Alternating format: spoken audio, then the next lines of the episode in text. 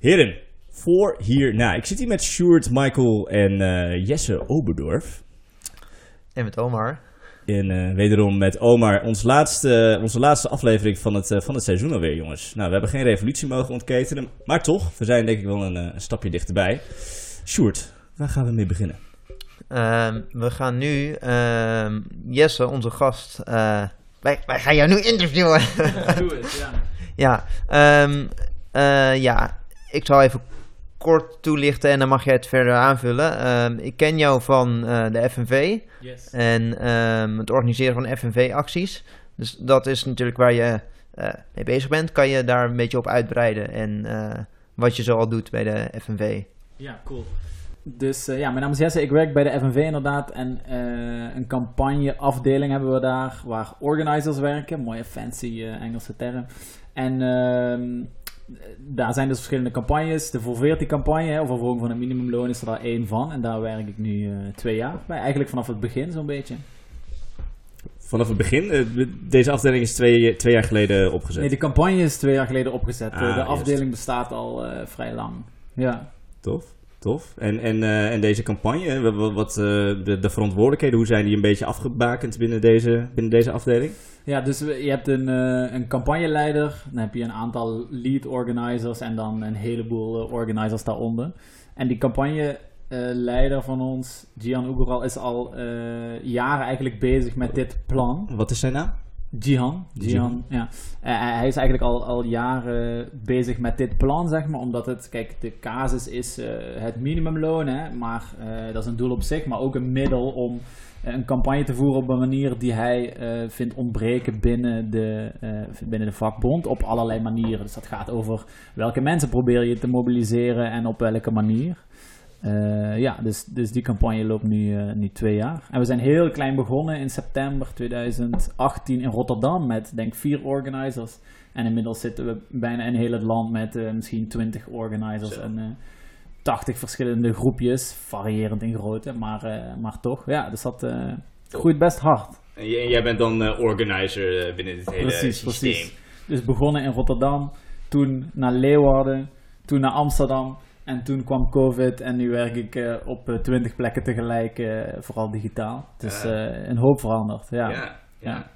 Sick zeg, sick. En, en even, even grote lijnen. Ik bedoel vakbonden. De, voor sommige mensen is dat misschien nog een wat achterbollig idee. Een beetje, een beetje verouderd misschien. Hm. Ik ken een, een, een, een vriend die bij een marketingbedrijf werkt. Die, ehm, eh, nou, eh, dat marketingbedrijf die heeft laatst een, eh, een, een artikel gepost. Waarbij eigenlijk ze ook verkondigden. Waarschijnlijk ook mede vanuit hun, hun eigen cliënten. Dat ja, vakbonden hè, en, en, en, en FNV bijvoorbeeld. Dat is een beetje het is niet echt meer van deze tijd. En dan gingen ze bijvoorbeeld voorbeelden aanhalen van nou, hè, de leden die worden steeds minder. En, en Ja. hoe, hoe kijk jij daar, hoe kijk jij daar tegenaan? Kijk, kijk, wat ik denk is dat mensen om verandering te bewerkstelligen het nodig hebben dat ze zich organiseren. En of je dat nou in een vakbond doet, of eh, ik ben ook eh, heel actief bij Extinction Rebellion en de klimaatbeweging, of bij die groep. Sick. Eh, kijk, dat, dat maakt niet zo heel veel uit. Alleen waar ik inderdaad mee eens ben, FNV loopt een beetje achter de feiten aan.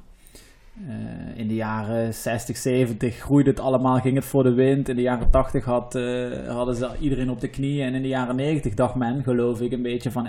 Weet je, we hebben het gefixt. We kunnen gewoon blijven doen wat we doen en eh, het komt allemaal goed. En in die 15, 20 jaar is een beetje de slag gemist.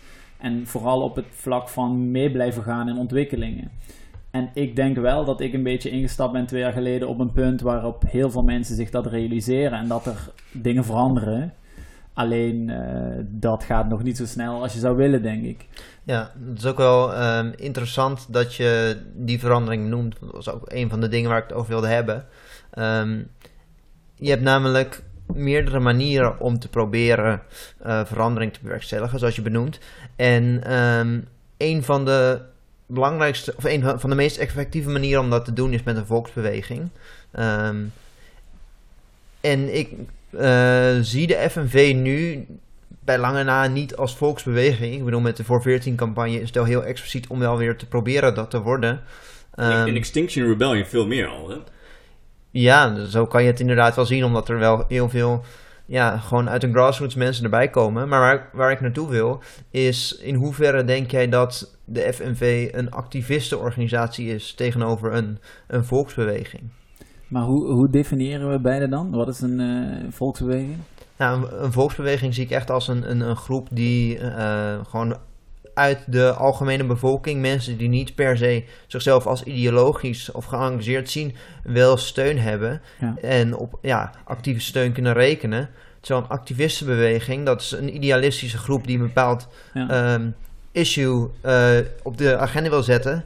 En daar met acties zonder dat je daar extreem veel mensen voor nodig hebt. Aandacht. Uh, dus meer voor aandacht dan ja. voor direct wij willen dit en anders dan pakken we het werk niet meer op. Ja, ja, helder. Nou, kijk, ik denk in de ideale situatie kan een vakbond alle twee zijn. Dus aan de voorkant heel hard schoppen en uh, vooruit willen. En aan de achterkant zoveel mogelijk mensen proberen mee te nemen. Maar ik denk wat je nu ziet, kijk, de, dat is ook een beetje het, de slagmissen wat ik bedoel. De FNV um, is heel lang vooral gewoon een werkorganisatie geweest die dingen deed voor de leden.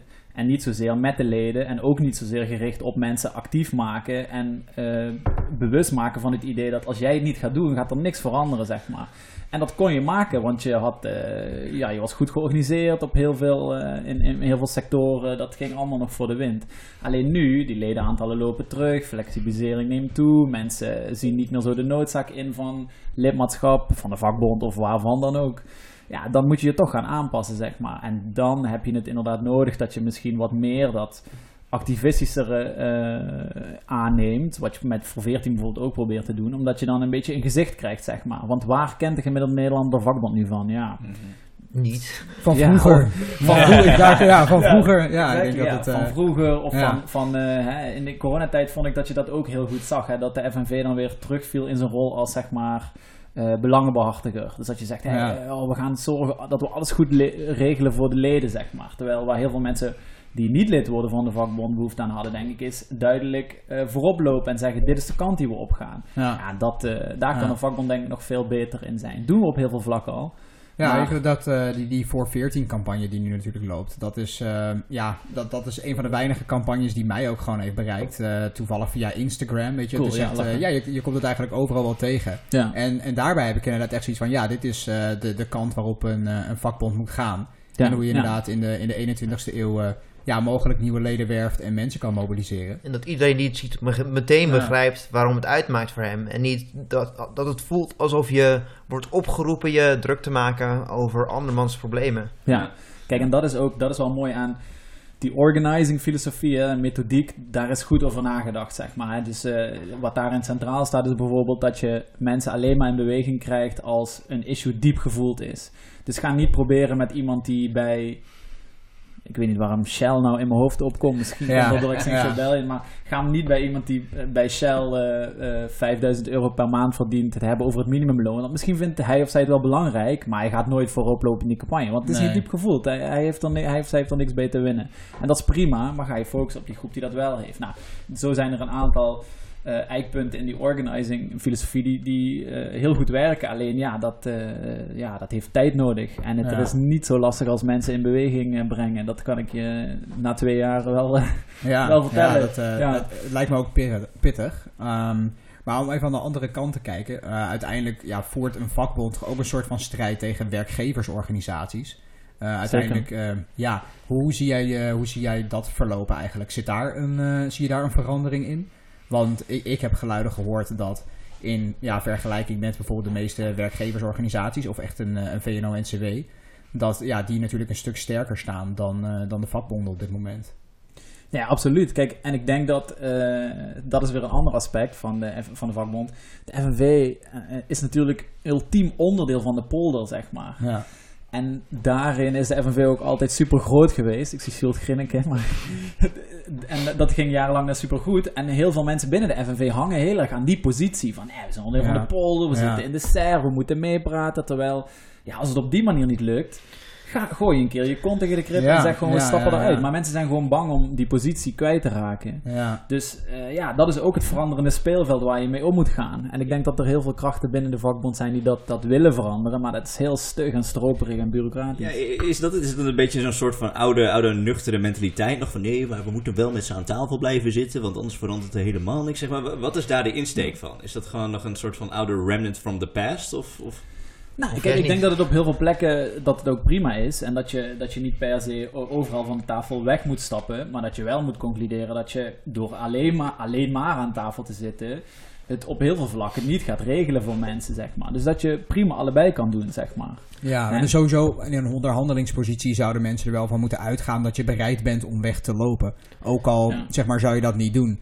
En als Ja. je inmiddels al kan aannemen van, wow, ze lopen toch niet weg. Dan ja, verlies je ook al gewoon een, eh, een, een gedeelte van je onderhandelingspositie. Sterker nog, het is ehm, natuurlijk ook de vraag wiens, wiens tafel je aan zit. Want als je natuurlijk ehm, mee gaat eh, polderen, dan ben je een lobbyorganisatie die naar de lobbytafel van de overheid komt. Terwijl het oorspronkelijke idee van een vakbond natuurlijk, m, wat nog uit de tijd van de industriële revolutie komt, is dat de arbeiders van wie het systeem ultiem afhankelijk is, Ja. eh, zeggen van nou, wij zijn niet tevreden, dit zijn onze eisen, wij doen niks meer en kom maar naar ons toe, kom maar naar onze tafel met een voorstel. Ja. En eigenlijk denk ik zelf dat ook niet, ja, het soort stakingen wat je ziet komen van oh we gaan 66 minuten OV-staking doen Ja. voor leeftijd 66. Een staking is in mijn optiek dat je zegt we hebben deze eisen en we doen niks meer totdat deze eisen zijn ingewilligd. Ja. En dan komt dat, is, toe. dat is wel een goed voorbeeld. Hè? Want bijvoorbeeld in het openbaar vervoer is, de FNV, of is zijn vakbonden best nog wel goed georganiseerd.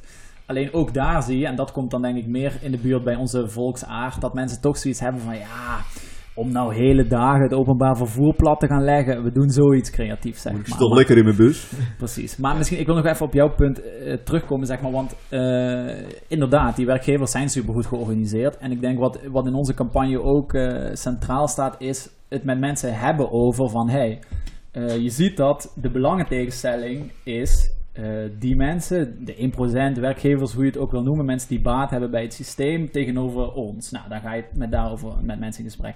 Nou, als die tegenstelling duidelijk is, kan je het heel goed vertellen en met mensen het hebben over hey, zij zijn goed georganiseerd, toch? Ja, klopt. Zijn wij goed ja. georganiseerd? En dan hebben mensen vaak wel zoiets van, oh nee, fuck, inderdaad, helemaal niet. En wat daar ook nog bij komt, is dan de vraag, deze gesprekken voer ik echt op dagelijkse basis, van wie hoort er dan bij onze groep, zeg maar? Ja, precies. En wat doet wijzen naar mensen die eigenlijk aan onze kant van de medaille staan? Migranten, eh, asielzoekers, mensen met een uitkering. Ook heel vaak.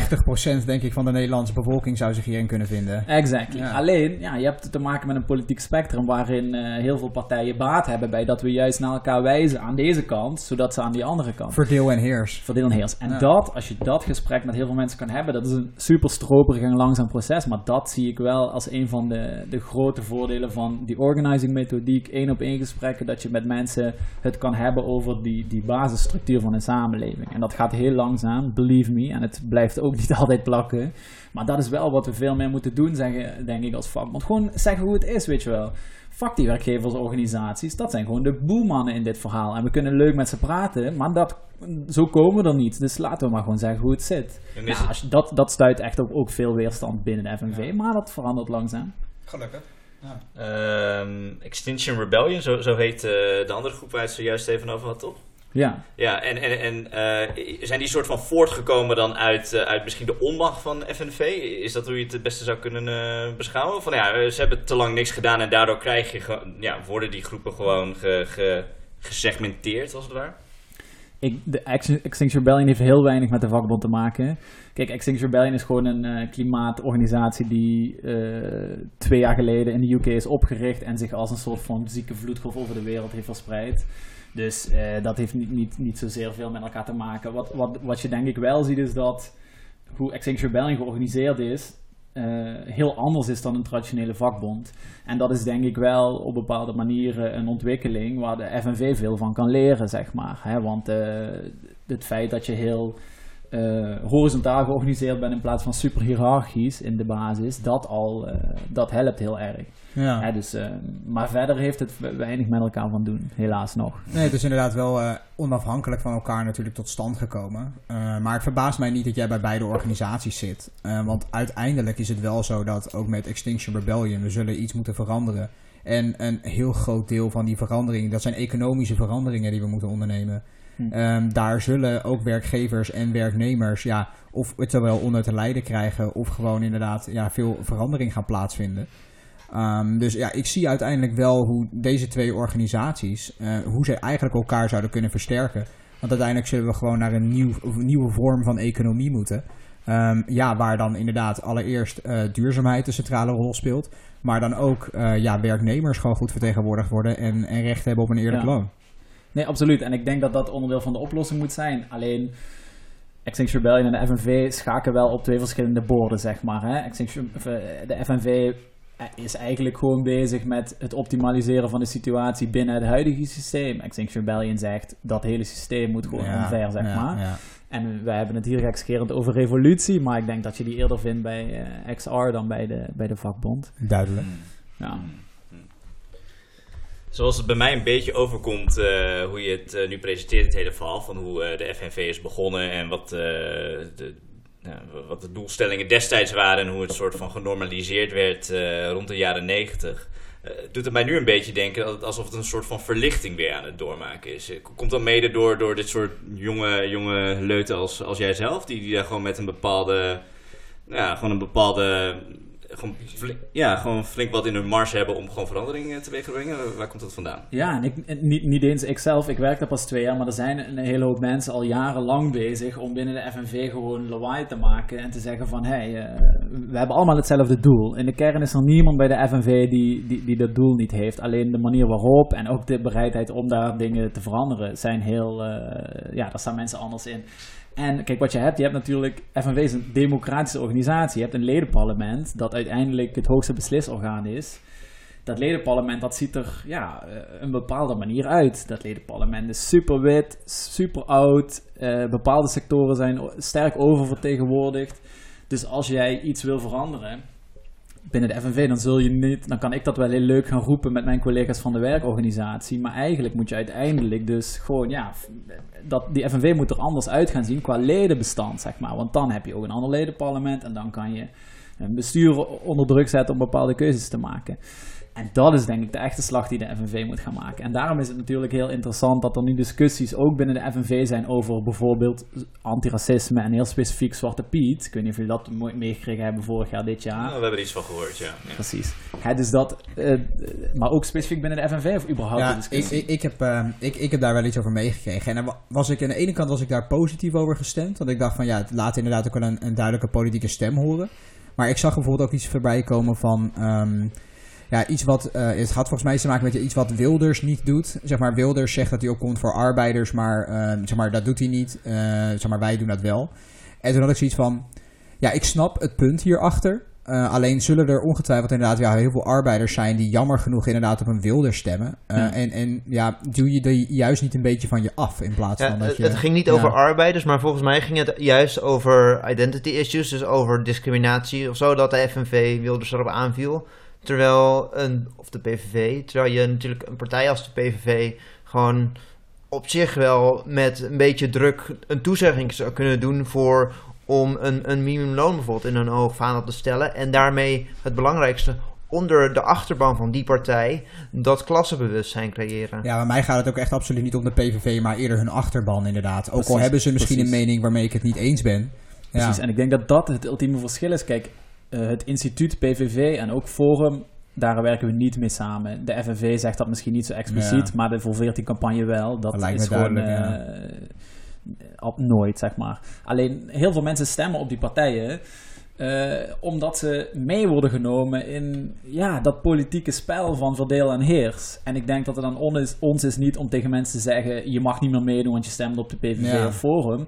Maar hey, als je op die partijen stemt, zie dan wel hoe het werkelijk in elkaar zit. Ja, Wij ja. schetsen dat plaatje en denk dan na over wie, bij wie je wil horen, zeg maar. Ja.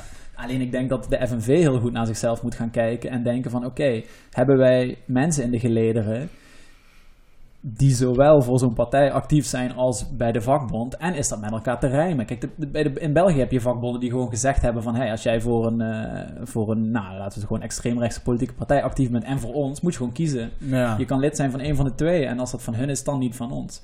Nou, dan zeg ik niet dat dat per se bij de FNV zo moet zijn. Alleen doordat jij bepaalde mensen in jouw geleden hebt... heb je andere mensen er niet.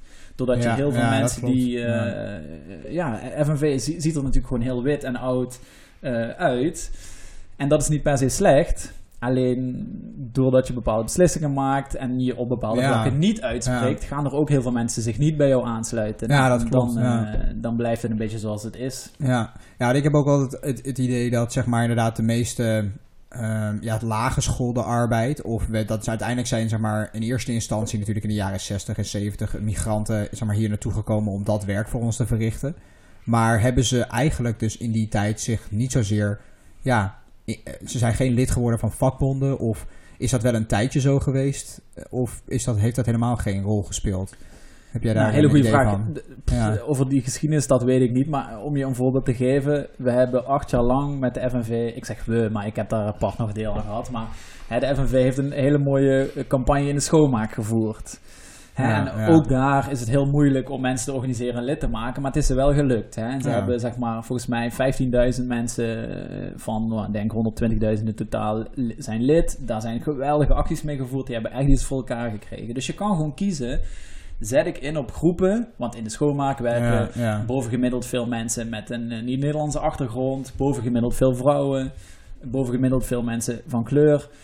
Ehm, je kan gewoon kiezen om daarop in te zetten en eh, Ja, niet ja. op de metaal of niet Ja, op de. Hè, dat, dat, dat zijn gewoon keuzes die je kan de maken. standaard En ik zeg niet dat je, precies, en ik zeg niet dat je het ene of het andere moet doen, maar als jij echt een vakbond wil zijn die eh, wiens leden achterban vertegenwoordigt hoe Nederland Ja. eruit ziet, dan zul je bepaalde keuzes moeten maken. Ja, ja ik, zou, ik zou ook voorstellen om, eh, om, om, mocht er een volgende campagne zijn, en ik weet niet of dat al is geweest, maar in ieder geval te focussen op winkelpersoneel inderdaad. Dat is, dat is volgens mij echt een groep die, eh, die ook al flink wordt uitgebuit. Dat is in de Ad- Ja, echt in de retail. Ja. Dat is, ik heb zelf jaren in de retail gewerkt en dat was dan voor mij een bijbaan. Ja. Maar ik heb daar mensen gezien die, ja, dan zeggen ze, ja, je krijgt, een, eh, een, een, een- je krijgt voldoende loon, eh, zeg maar per uur. Ja. Maar ze krijgen alleen maar 24 uurs contracten, want ze willen Ja. zo'n, ja, bijvoorbeeld, ja, de grotere bedrijven willen gewoon geen grote contracten geven.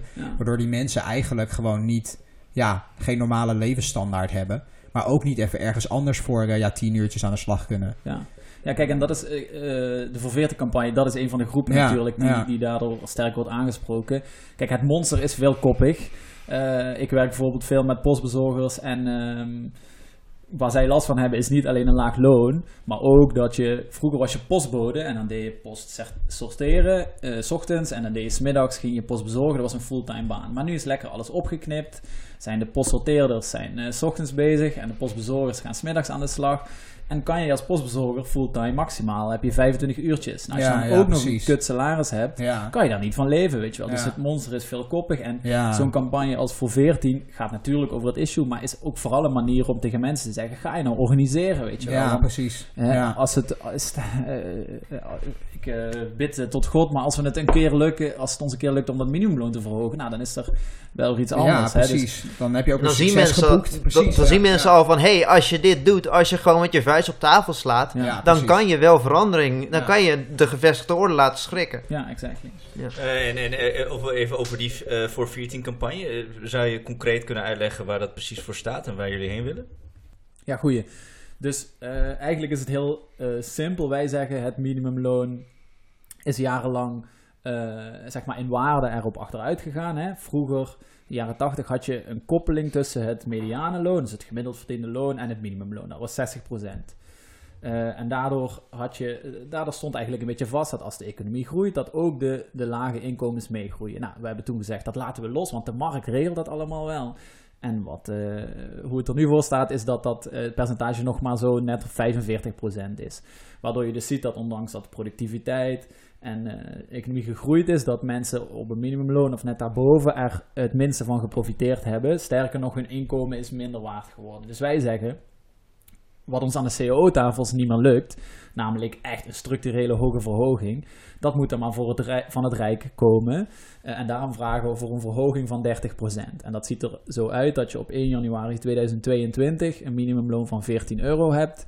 met weer opnieuw de koppeling aan het medianenloon van 60%, waardoor je ook die waardevastheid eh vasthoudt.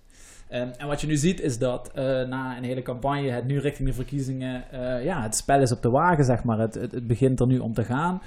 Vier partijen hebben gezegd, nou, wij hebben 14 euro in ons verkiezingsprogramma staan. Dat is super, maar wel nog met, kijk, wij zeggen op 1 januari 2022 moet het zover zijn. Wel- Welke partijen zijn dat? Eh, dus de SP, GroenLinks, Partij voor de Dieren en eh, de PvdA hebben dit in hun partijprogramma staan. Dus met verschillende snelheden, hè, dus daar zijn wij ook kritisch op, maar dat is wel natuurlijk een mooi begin. Voor de verder rest, we gingen het voor deze opname nog even zoeken. Zelfs de, VVD heeft in zijn verkiezingsprogramma staan het minimumloon moet omhoog. Alleen ja, eh, dat kan ook 2% zijn, dat is uh, belangen na niet genoeg. Dus uh, het is heel goed dat dat uh, een verkiezingsthema is en wordt. Alleen de standaard moet hoog zijn. Nou ja, het staat in het programma, maar daarmee is het nog geen thema. Ik bedoel, het, het lijkt nee, me heel, ja. heel, heel bijzonder als je uh, iemand in de VVD-campagne komende verkiezingen die niet iemand is die gewoon met op, op straat praat, het woord minimumloon hoorde uitspreken. Want we hadden ook ja. toen uh, even op minimum doorgezocht. Het woord minimumstraffen komt vaker voor ja, in het programma dan het woord minimumloon. Ja.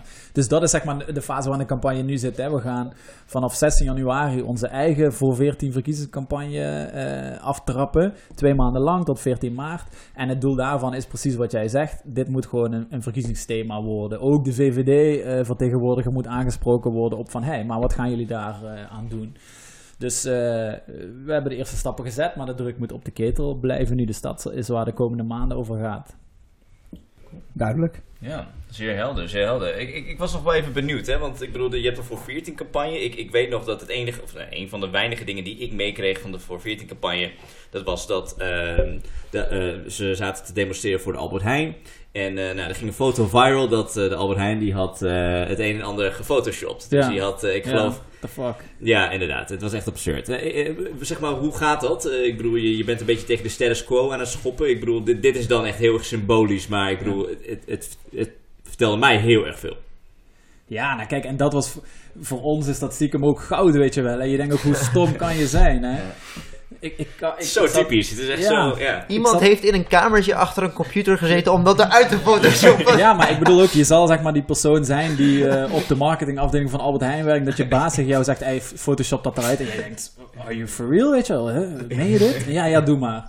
En dat je dan niet bedenkt, ja, dat zijn zij ook en dan gaan ze groot maken. Voor ons was dat goud, weet je wel. Want het is, zeg maar super on point hoe het, hoe het ervoor staat. Want in plaats van dat je het gesprek aangaat over waarom betalen jullie zelfs in coronatijd, wanneer je recordwinsten maakt, zo slecht, ga je ja, proberen. Dat die oproep te verdoezelen. Ja, dat is natuurlijk... Uh, maar dat ook nog in combinatie was ermee dat ze zo dankbaar waren voor hun uh, medewerkers dat ze in coronatijd wilden werken met een extra risico en dan inderdaad wel die minimaal 14 euro. Die dankbaarheid stond er wel bij. Precies, ja, de dankbaarheid wel, maar niet het lonen. Kijk, en ik denk dat wij hebben heel veel van die stoepkrijtacties gedaan in coronatijd, omdat dat een van de weinige dingen was die konden. En bijna altijd, zeker het personeel, maar ook managers die daar rondlopen bij zo'n Albert Heijn of wat voor winkel dan ook, die, die vinden dat tof, weet je wel. Die hebben zoiets van, nou ja, dat, hier kunnen we ons in vinden. Alleen hoe hoger je op die rang komt, gaan natuurlijk andere belangen spelen. En zo'n uh, Photoshop-actie, ja, dat laat precies zien hoe dat systeem in elkaar zit, hoe verrot dat is. En soms heb je zo'n dingen gewoon nodig om het uh, duidelijk te maken. Want ik kan je vertellen, hier zijn heel veel mensen op aangeslagen. Die hadden zoiets van, ja, what the fuck, weet je wel, dit, dit gaat nergens over, hè. Dus uh, ja, dat was eigenlijk wel wel mooi hoe dat ging. En, en, en zeg maar going forward, iets concreet met de, met de FNV. Zeg maar, wat zijn concrete stappen die jullie de komende jaren kunnen nemen om, om nou ja, die, die quote-unquote verlichting zeg maar, door te zetten? Pff, ja, goede vraag. Ik uh, zo... Nee, nee. Okay. Ik dacht, ik ga het zeggen, maar ik ga het niet zeggen. Nee, kijk, weet je wat nou het ding is? Bij de burn FNV, it down. Nee, don't, don't burn it down. Kijk, wat ik net ook wel zei. Er zit bij de FNV geen mens die niet wilt, die niet vooruit wil komen, zeg maar, die niet een bepaalde kant op wil bewegen. Alleen de manieren waarop, daar verschillen de inzichten enorm over. En ik denk dat, um, kijk, er komt een verkiezing aan voor een nieuwe uh, voorzitter. Hè? Dus Han Bisker, Han Bisker stopt ermee in maart. Er zijn nu drie kandidaten. Nou, dat kan niet zijn. Uh, waarin je wel als FNV kan zeggen, we, we bewegen een bepaalde kant op. Verder, ja, dit, dit is gewoon een heel structureel en langzaam proces. En het is een cultuurverandering. Dat het is een cultuurverandering. En kijk, dat heeft er ook mee te maken dat er gewoon ehm, ja, op heel veel afdelingen bij de FNV gewoon mensen zijn die er al heel lang zitten en het vooral eh, al jarenlang op dezelfde manier doen. En dat begrijp ik ook. Dat is misschien een beetje eh, eigen aan mensen. Alleen ja, ik, ik ben heel blij dat ik zeker op mijn afdeling, maar ook op andere plekken in de FNV, nieuwe mensen zie eh, opstaan. Jonge mensen, maar ook wat oudere mensen die bereid zijn om wel eh, aan te passen, te veranderen, vooruit te gaan. En dat, eh, dat komt wel goed. Kijk, en als je, ik ben zoals gezegd actief bij Extinction Rebellion.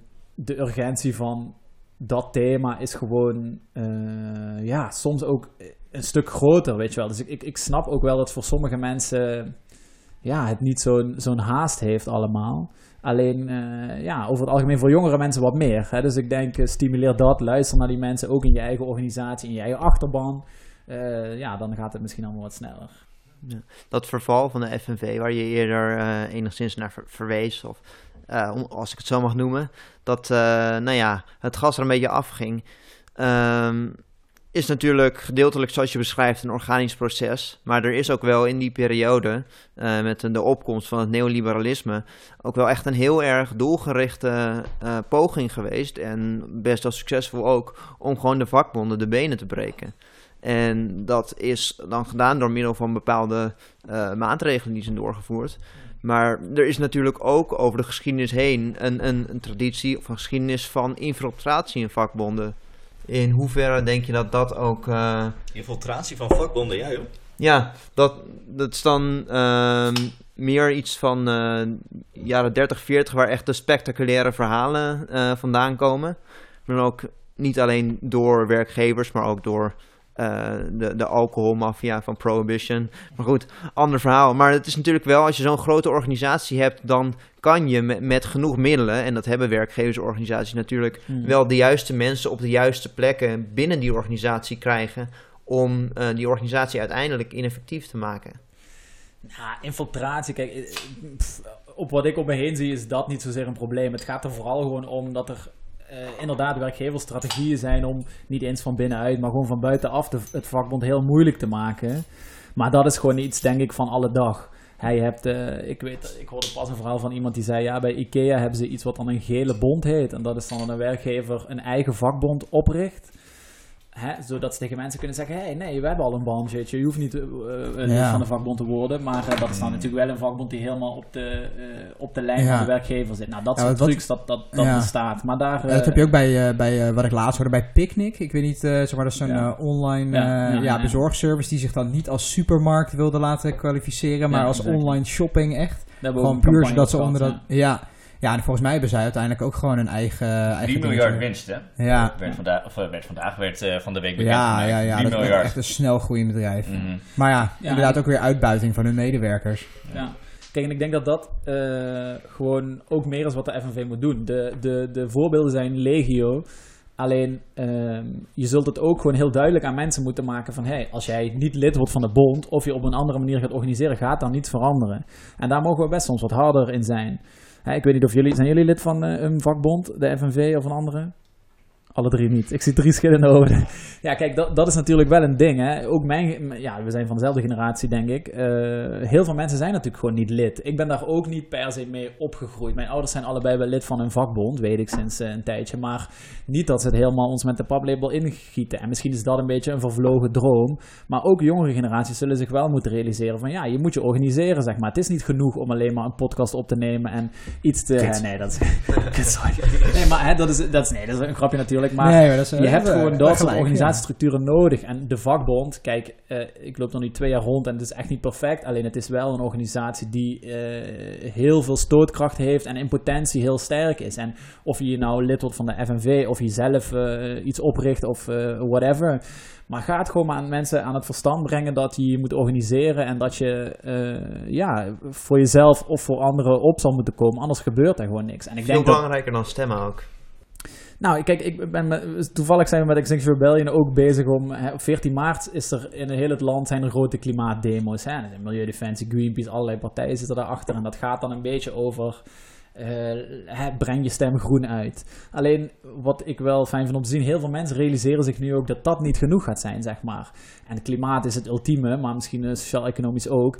Er zijn gewoon maar heel weinig partijen waar je op kan stemmen, eh, die überhaupt in de buurt komen van, eh, van, van goed genoeg. Dus je zult gewoon een soort van hele sterke buitenparlementaire beweging moeten hebben die daar ook niet in verkiezingstijd tegen aanschopt. En dat is ook eh, wat een vakbond in potentie wel kan doen. Hè, dus als je het wil veranderen, dan moet je lid worden en dan kan je meepraten, weet je Maar wel. dat is dus ook onderzocht van de manieren om eh, te proberen je samenleving te veranderen. Is de meest effectieve door de straat op te gaan, door te demonstreren, door te staken. En de minst effectieve van het hele lijstje is stemmen. Ja, Dus letterlijk elke manier, al ga je met je buren praten Ja. eh, om een bepaald idee op de kaart te zetten, dat heeft meer impact dan stemmen. ja. Ja. Dat is echt absurd. Ja, dat lijkt me ook een, eh, een mooie afsluiter. Ehm, word lid, organiseer je en, eh, en volg de voor 14 campagne. exactly, ja, zeker. Eh, zoeken ze nog mensen bij de FNV? Is dat een, eh, staat dat helemaal open? Voor de verveerte campagne of bedoel je als bij de werkorganisatie? Bij de werkorganisatie bijvoorbeeld in een bepaalde rol om echt eh, nou, een bepaalde Ja. verandering eh, Nou, te wat, wat lastig is, zeg maar, omdat de ledenaantallen teruglopen, lopen ook de inkomsten terug. Dus er zijn op, is op dit moment een reorganisatie gaande. Dus qua eh, werken bij de FNV wordt het lastig. Alleen dat is natuurlijk iets, niet, iets, niet iets dat aanhoudt. Dus. Word lid ja. is... Word lid, jazeker. bedankt Jesse, dankjewel. Ja, tof.